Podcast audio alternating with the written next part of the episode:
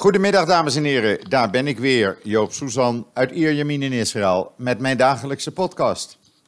Ja, en dit wordt een, uh, ja, een beetje andere podcast dan u gewend bent van mij. Zo dadelijk namelijk uh, heb ik uh, Martijn van der Kooi in de podcast via de telefoon weliswaar, want hij, hij zit in Nederland. Martijn is een Libanon-kenner bij uitstek, heeft daar ruim een jaar gewoond, bezoekt het land regelmatig. En heeft heel veel vrienden in Libanon, waarvan de meeste ook meedoen aan de demonstraties. Uh, en ik heb Martijn gevraagd, omdat ik hem goed ken, om uh, uit te leggen uh, wat er nu precies aan de hand is, wat de gevolgen voor Libanon en mogelijk ook voor Israël kunnen zijn. En wat uh, Hezbollah voor rol speelt in dit hele circus wat in Libanon zich afspeelt. Maar laat ik eerst even kort uh, het Israëlische nieuws met u doornemen. Allereerst uh, ja, het weer. Nou, het is gewoon zomer. Het is 28 graden, een blauwe lucht en een zacht briesje. En ik weet niet wat me overkomt. Het is gewoon heerlijk weer. En ik heb nog steeds de ramen open en ik heb de korte broek er maar weer bij aangetrokken. En een t-shirt, want ja, de rest is gewoon te warm. En dan wat betreft uh, het Israëlische nieuws. Nou, u kunt het natuurlijk allemaal op joods.nl lezen, want uh, inmiddels weet u dat wel, bent u van mij gewend. Op joods.nl zetten we een heleboel nieuws en nieuwtjes uit Israël. Zoals het uh, bijzondere verhaal over de Baha'is, die vandaag 200 jaar bestaan, zeg maar. De geboorte van de profeet vieren ze met een ceremonie in uh, hun wereldcentrum en dat is in Haifa. Iedereen die wel eens in uh, Israël is geweest, zal waarschijnlijk ook uh, de Baha'i-tempel hebben bezocht. Zo niet, zet het bovenaan uw lijst voor de volgende keer, want het is een bijzondere plek met prachtige tuinen. het is echt verschrikkelijk mooi met een uitzicht over Haifa, over de haven, over zee. Een bijzondere plek om daar naartoe te gaan. En echt een aanrader. En dan uh, Benny Gans, die heeft uh, morgen, donderdag dus, een gesprek met de leider van de uh, Arabische Joint List. Dat is voor het eerst. Het is eigenlijk ook voor het eerst sinds 2003 dat aan een Arabische partij wordt gevraagd om mee te denken. Nee, sorry, 1992. Ik maak een fout. Neemt u me niet kwalijk. Uh, sinds 1992. Daarna is het nooit meer voorgekomen dat een Arabische partij uh, gevraagd is door een, uh, degene die de regering in elkaar moet zetten om mee te praten, om mee te denken. Of dat uitdraait op een minderheidsregering met steun van de Arabische partijen, ja, dat weten we niet. het kan ook een signaal zijn tegen Netanyahu van, joh, ga jij maar lekker door met je spelletjes. Ik trek me er niks van aan. Ik praat met andere partijen en ik sluit niemand uit. Hij heeft ook gisteravond duidelijk gezegd in een toespraak uh, bij de Jewish Agency, Benny Gans, dat uh, wat hem betreft, als hij premier is, sluit hij geen enkele uh, stroming van het Jodendom uit. Op dit moment geldt alleen het orthodoxe gedeelte, de ultra-orthodoxe stroming. Uh, de liberale eh, Joden, die, die mogen niet meepraten. Women of the Wall, die worden alleen maar weggestuurd. Die dus, dus voor meer openheid pleiten. En Benny Gans zegt nee, wat mij betreft, iedereen is welkom, zolang je maar Joods bent. En het maakt niet uit hoe je dat Jodendom invult. Nou, dat is natuurlijk een prima standpunt. daar kunnen we alleen maar blij om zijn. En dan uh, ja, een leuke video op uh, joods.nl over uh, Jamie Geller. Zij neemt u mee in die video naar de Magane Yehuda-markt. U ziet de markt ook van een heel ander punt. Zij gaat ja, voor wat patisserie en kijkt welke de beste is. het is gewoon heel leuk om te zien en heel leuk om ook de markt natuurlijk even te zien. En dan Groot Tel Aviv. Ja, de ultra-orthodoxe uh, partijen zijn natuurlijk uh, totaal niet blij. Die zijn helemaal over de rode, om het zo maar eens te zeggen. Maar de gemeente Tel Aviv heeft nu ook aangekondigd, samen met omliggende gemeenten, om nog voor het eind van het jaar te beginnen op Shabbat met zeven buslijnen die gratis zijn. Er wordt geen geld aan verdiend, maar het is de bedoeling dat mensen zonder uh, eigen vervoer dan ook de mogelijkheid hebben ergens naartoe te gaan. Een museum, het strand, een bioscoop, het theater of gewoon familiebezoeken. Uh, dat uh, doen ze met uh, Givatayim, Kiryat Ono en Ramat Hasharon. Er komen zeven buslijnen en waarschijnlijk zullen andere gemeenten er zich later bij aansluiten. Ik vind het een prima initiatief. We leven tenslotte nu in, in 2020 bijna. En dan mag dat best wel gedaan worden. En trouwens, er wordt geen geld aan verdiend. En dan de nieuwe luchthaven van Eilat is deze winter voor het eerst in vol gebruik. Dan zal die uh, niet zo druk worden als de oude luchthaven. Er zijn zo'n ja, 180, uh, 45 wekelijkse vluchten op dit moment, dus dat is nog niet veel. Omdat natuurlijk de luchthaven van Sededov in Tel Aviv is gesloten. En daar gingen tientallen vluchten per dag naar Eilat. Nu moet iedereen of eh, met eigen vervoer of met uh, het vliegtuig vanaf Ben Gurion. Dus het zijn hoofdzakelijk de buitenlandse luchtvaartmaatschappijen, waaronder ook Transavia, die regelmatig wekelijks op die nieuwe luchthaven gaan vliegen. En dan op joods.nl de feiten op een rijtje. Is Israël uitgerust en is Israël toegerust om een eventuele oorlog, waarvan we hopen dat die er niet komt, tussen Israël en Iran, om die te winnen? Nou, de Jeruzalem Post, die heeft zich dat afgevraagd en die dacht, weet je wat, we gaan alles eens even op een rijtje zetten. Hoeveel tanks, hoeveel vliegtuigen, wat is de staat van paraatheid, et cetera, et cetera. U kunt het allemaal lezen op uh, joods.nl. Uh, ik vind het een aanrader. En dan, er is een recordbedrag van 6,14 miljard dollar tot nu toe opgehaald dit jaar door Israëlische technologiebedrijven. En uh, ja, dat is echt een gigabedrag. Dat betekent hoeveel vertrouwen er bij investeerders en bij andere grote buitenlandse bedrijven is in Israëlische start-ups en technologiebedrijven. U kunt uh, alle specificaties natuurlijk vinden in uh, joods.nl. En dan, ja, dan ga ik nu even verbinding zoeken met Martijn van der Kooi. Even een ogenblikje geduld, alstublieft. Ja, dan heb ik nu aan de lijn, zoals ik al zojuist zei, Martijn van der Kooi. Martijn, goedemiddag. Ja, Joop, hele goedemiddag. Hoe is het met je, jongen?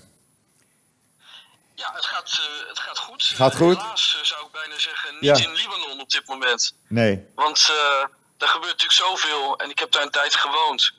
En uh, nou, daar gaan we het misschien zo over hebben, maar ik zou er graag willen zijn op dit moment. Ik kan ja. mij voorstellen uh, dat, je, dat je eigenlijk daar wil zitten, ja, om het allemaal met eigen ogen te kunnen zien en verslaan.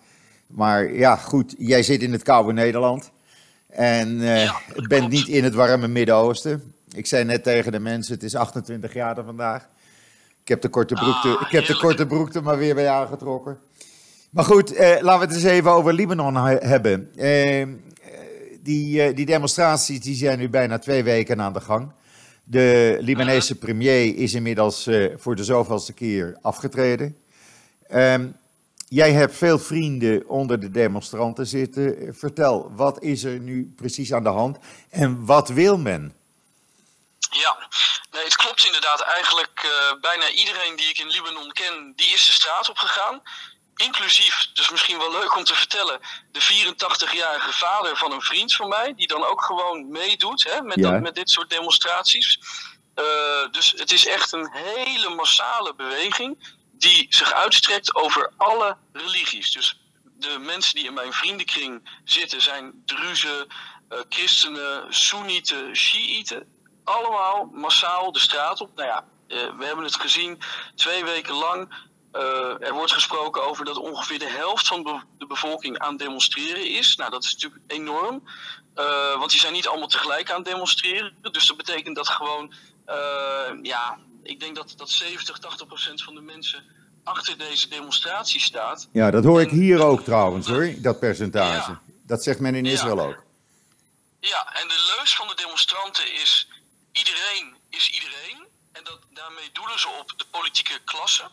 En uh, wat ze willen is, ja, daarmee is eigenlijk uh, Hariri, de premier van Libanon, heeft gisteren een stap genomen die de demonstranten zeer verwelkomen. Want ze willen het aftreden van de hele regering, inclusief de president en het kabinet. Nou, het kabinet heeft zijn ontslag aangekondigd, inclusief de premier. En dat is vandaag door de president van Libanon ingewilligd. Dus vanaf nu is er een demotionair kabinet. Ja. Met Hariri als uh, demotionair minister-president.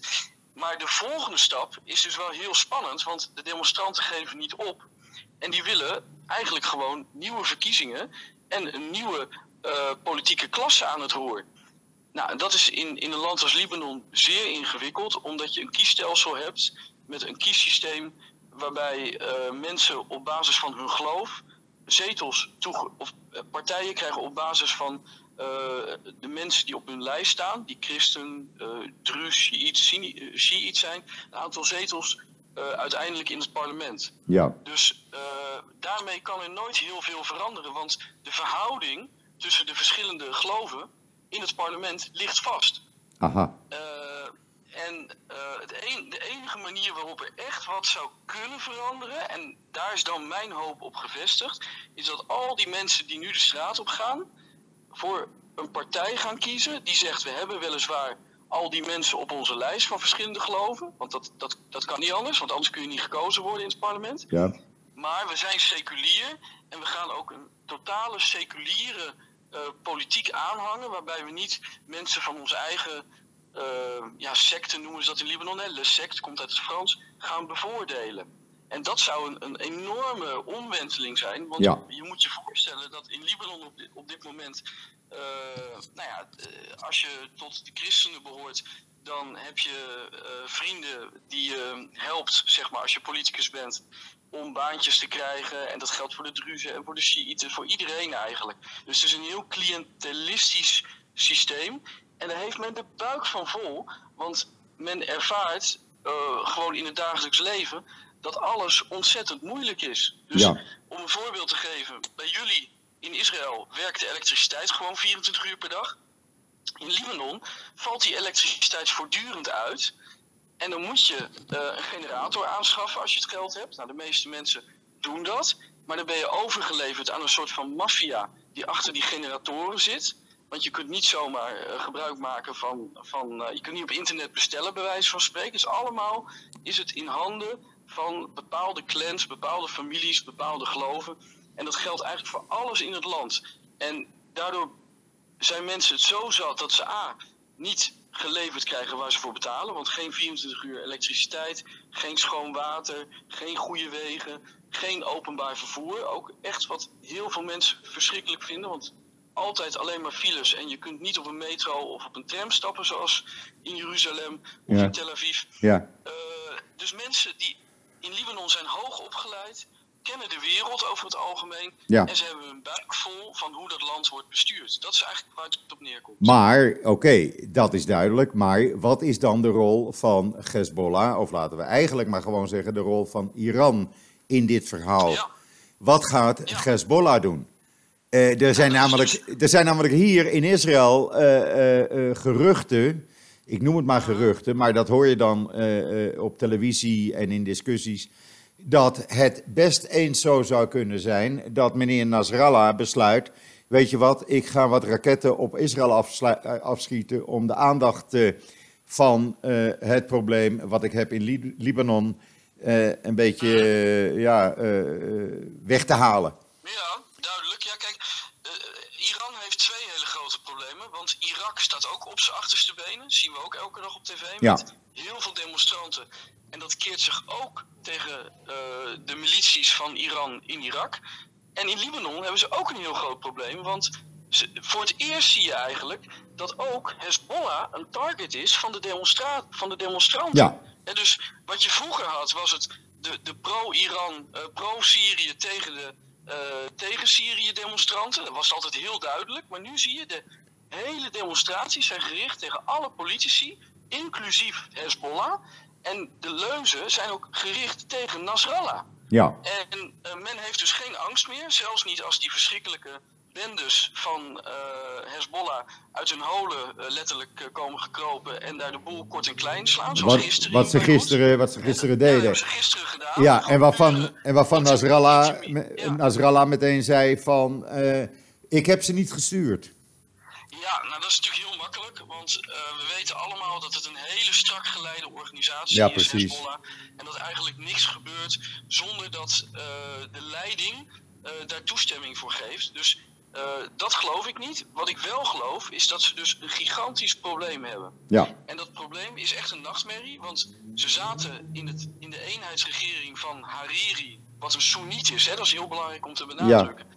Daar maakte Hezbollah onderdeel van uit. Ja. En daar zaten ze op een hele comfortabele positie. Ja. Want allerlei bondgenoten, christenen, zelfs bij de Druzen en Soenieten uh, bondgenoten, uh, op een politieke positie, waardoor ze dus niet uh, dit soort dingen hoeven te doen. De boel kort en klein slaan, hun bad face te laten zien. Ja.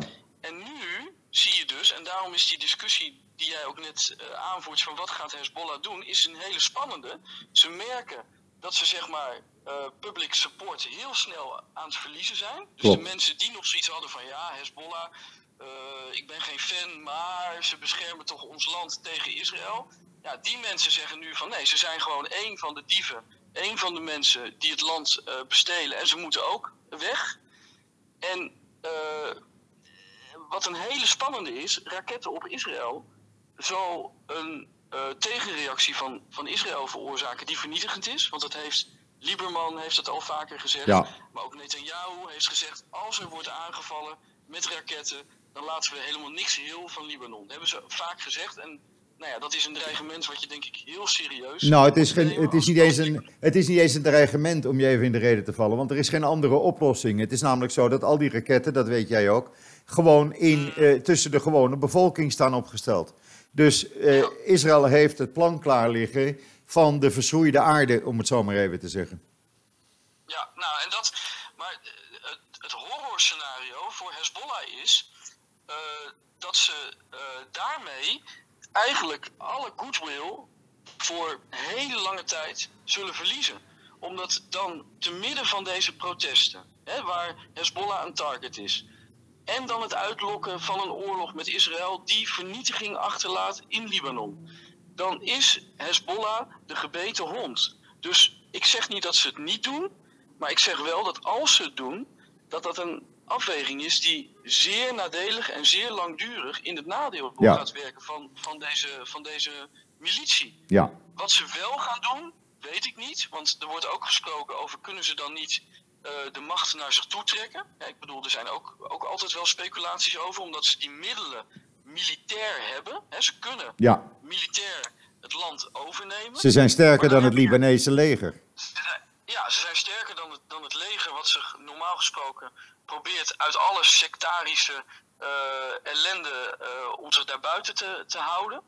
Eh, alleen dan krijg je dat Hezbollah dus ook een stad als Tripoli, de grootste stad, de, de op één na grootste stad van Libanon, moet gaan beheersen. Waar een miljoen Soenieten met name wonen. Ja, Nou ja, dan kun je je voorstellen wat er in, met name in Tripoli, thuisbasis van, eh, van, van de partij van Hariri, wat daar gaat gebeuren. ja. Opstanden, Ja. geweld. Ja, dat wordt een, eh, een bloedbad. Even. Ja, wordt een bloed. Een bloedbad. Ja. Als Hezbollah daar zegt van we willen echt Libanon eh, overnemen.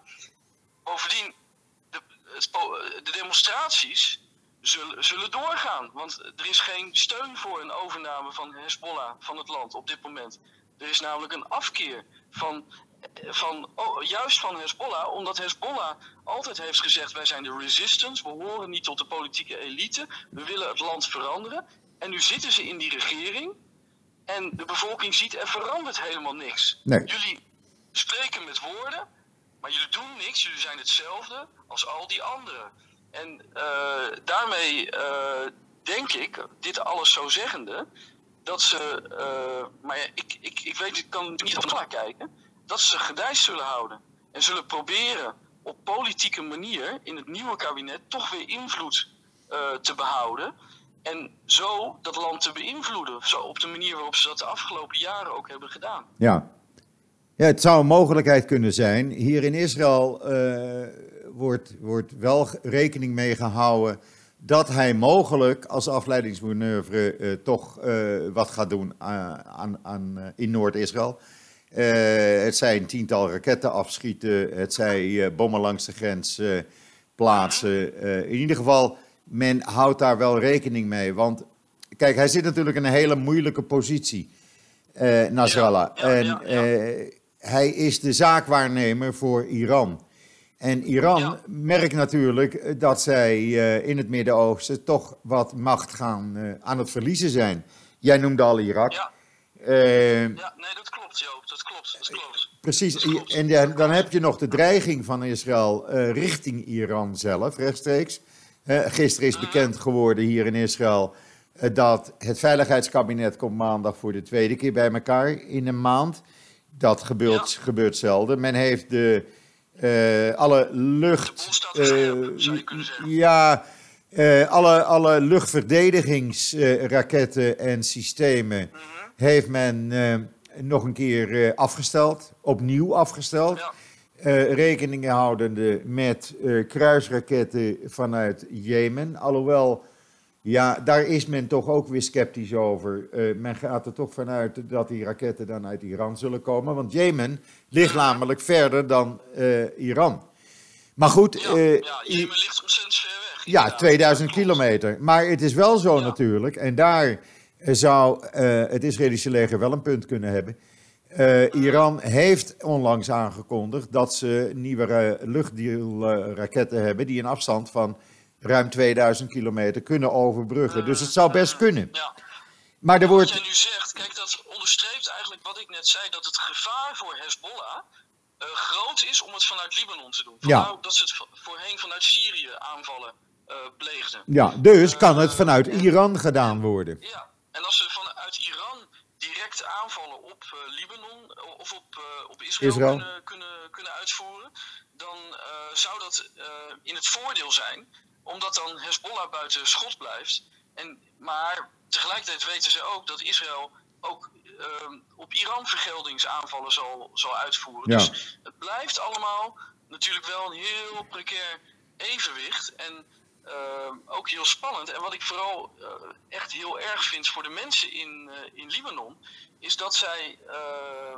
kijk, 12% van de Libanezen heeft voor Hezbollah gekozen in het parlement. Ja. Als je daarover nadenkt en dan de invloed die dat land, of die, die zo'n beweging op dat land heeft, de gijzeling waarin Libanon zich van Hezbollah bevindt, ja. die is enorm. Ja, die is enorm. En de kans dat een heel land met moderne, hoogopgeleide inwoners, we zien ze op tv, we zien ze demonstreren, dat dat compleet wordt vernietigd. Ja. Omdat Hezbollah uh, dit spel speelt. Ja, dat is heel wrang. Dat is niet en, voor te stellen. Uh, ja, dat is buitengewoon wrang. En zeker, nou, nou, ik heb daar uh, jaren nou, gewoond, ik ken er natuurlijk heel veel mensen, dus ja, emotioneel doet dat wat met mij, zeg maar. Ik kan me daar, dat kan ik me best, die, ja. ja. Dat kan ik me voorstellen, Martijn. Nou, even een, een ander iets. er was net een bericht over de banken die wel open gaan, maar niet voor het publiek. Ja. Wat is daarmee aan de hand? Ja, nou kijk, de achterliggende waarom mensen zo boos zijn, is dat het financieel, economisch, dat ze dat ook heel hard voelen. Dus dat het allemaal heel corrupt is, et cetera, dat is al heel lang. Maar men ziet nu ook, en dat is twee weken geleden begonnen, dat er geen dollars meer uit de, uit de geldmachines kwamen. Aha. En je moet weten, in andere landen is dat natuurlijk niet heel gebruikelijk, maar in Libanon haalt iedereen dollars uit de geldmachine. En uh, betaal je ook in dollars en dan krijg je Libanese munten terug en er is een vaste wisselkoers. Maar twee weken geleden is dat gestopt, omdat men geen dollars meer heeft. En toen de demonstraties begonnen, zijn de banken dichtgegaan. En men is ontzettend bang voor een bankrun. Want als de Aha. banken open gaan, dan zou men, en vooral de mensen die dollar-accounts hebben, zou men al het geld eraf kunnen halen. Ja. Uh, men zou ook kunnen eisen dat Libanese uh, geld wordt omgewisseld in dollars, want dat is een recht in Libanon. Tenminste, dat is zo geregeld dat je natuurlijk, het is een, een twee, two currency country. Maar dat wil de overheid helemaal niet, omdat er gewoon veel te weinig dollars zijn door de enorme economische crisis. En de directeur van de centrale bank in Libanon, meneer uh, Salame, die heeft ook gezegd dat Libanon enkele dagen verwijderd is van een total collapse in het Engels. Ja, dat las dat ik. heeft hij op CNN gezegd. Ja, ik las dat hier. En, ja. ja. En daar heeft hij later van gezegd van ja, uh, ik bedoelde als er niks gebeurt. Maar er gebeurt dus helemaal niks, behalve een regering die is afgetreden. Dus waar we bang voor moeten zijn, is dat het land inderdaad in allerlei ratings, zoals van Moody's, de junk-status bereikt. Waardoor beleggers gewoon helemaal niks meer terugzien van het geld wat ze hebben uitgeleend. Of tenminste de kans erop heel klein is. En uh, dat betekent dat uh, mensen die dollar-accounts hebben of Libanees geld willen omwisselen in dollars, dat dat ook niet meer kan. En dat het hele financiële systeem op zijn kop staat. Want alle brandstof, alle medicijnen, alle geïmporteerde goederen moeten in dollars worden betaald. Dus dat betekent dan totale chaos? Ja, dat betekent echt uh, dat uh, waarschijnlijk het buitenland, grote uh, donorlanden, onmiddellijk moeten bijspringen. Zodat mensen bijvoorbeeld medicijnen die gewoon echt nodig zijn, dat die dat nog kunnen krijgen. Ja. Dat er brandstof binnen kan komen. dat betekent echt het noodscenario. En dat Libanon niet meer zelfstandig beslissingen uh, financiële beslissingen, moet ik zeggen, kan nemen. Omdat, je, omdat gewoon het land geen enkele ruimte meer heeft. Want niemand wil op zo'n moment meer geld uitlenen. Nee, begrijp een ik. land met een junk-status. Nee, ja. dat begrijp ik. Oké. Okay, uh, situatie. Het is echt... echt nou, kan maken. nou nee, ik ben blij. Ik ben ja. blij. En ik denk uh, velen met mij, als zij uh, deze podcast uh, gaan afluisteren, dat, het, dat jij het zo duidelijk hebt uitgelegd. Want in de krant, in, in kranten lees je natuurlijk een stukje en op televisie zie je een stukje. En ja, oké, okay, dat blijft natuurlijk een hele grote puzzel. Maar ik vind dat uh, de manier waarop jij het nu net heeft uitgelegd voor een hele hoop uh, van de luisteraars het gewoon heel duidelijk is wat daar aan de hand is. En ik wil het volgende ook met je afspreken dat we de situatie gaan volgen. En dan, uh, ja, laten we zeggen in de loop van volgende week weer eens even met elkaar gaan praten hierover. Want voorlopig... Voorlo ja, hè, ja, voorlopig is dit nog niet dan uit de wereld. Ja, dan zeg ik shalom vanaf uh, Alphen aan de Rijn. Uh, en ik zeg uh, shalom en lietrat vanuit Ierjamin. Oké, okay, okay, okay, dank Martijn, tot spoedig. Ja, hoi. Bye. Dit was uh, Martijn, uh, Martijn van der Kooi. Martijn is een goede vriend van mij al jaren. En ja, ik dacht, uh, wie kan ik beter dit laten uitleggen dan iemand die Libanon tot in de kleinste hoeken en gaten kent. Ik hoop dat het ook voor u een beetje duidelijk is. U kunt Martijn van der Kooi volgen op, op Twitter. daar geeft hij elke, elke dag het laatste nieuws constant over Libanon. Hij krijgt dat ook door van zijn uh, vrienden en kennissen daar. Uh, het is een hele, uh, hele, hele moeilijke en chaotische situatie. En ja, hier in Israël zitten wij er dichtbij. Ik bedoel, waar ik woon, Iyar Yamin, is het zeg maar pakweg 100 kilometer en dan ben je aan de grens met Libanon. dus wij hebben hier ook mee te maken en ja, wij, uh, wij voelen ons toch betrokken bij wat er daar aan de hand is en hoe dat gaat aflopen. Uh, ik hoop dat het allemaal uh, duidelijk was. Dan wens ik u nog een hele fijne voortzetting van deze woensdag, de 30ste oktober alweer. Ja, nog één dag en dan zitten we alweer in november. Het vliegt om de tijd. wat mij betreft ja, houdt u joods.nl in de gaten, want de populaire rubriek Wat schrijven de Israëlische of de Hebreeuwse kranten, die komt uh, strakjes natuurlijk weer online op joods.nl. En nog wat andere artikelen. En wat mij betreft zeg ik tot ziens, tot morgen.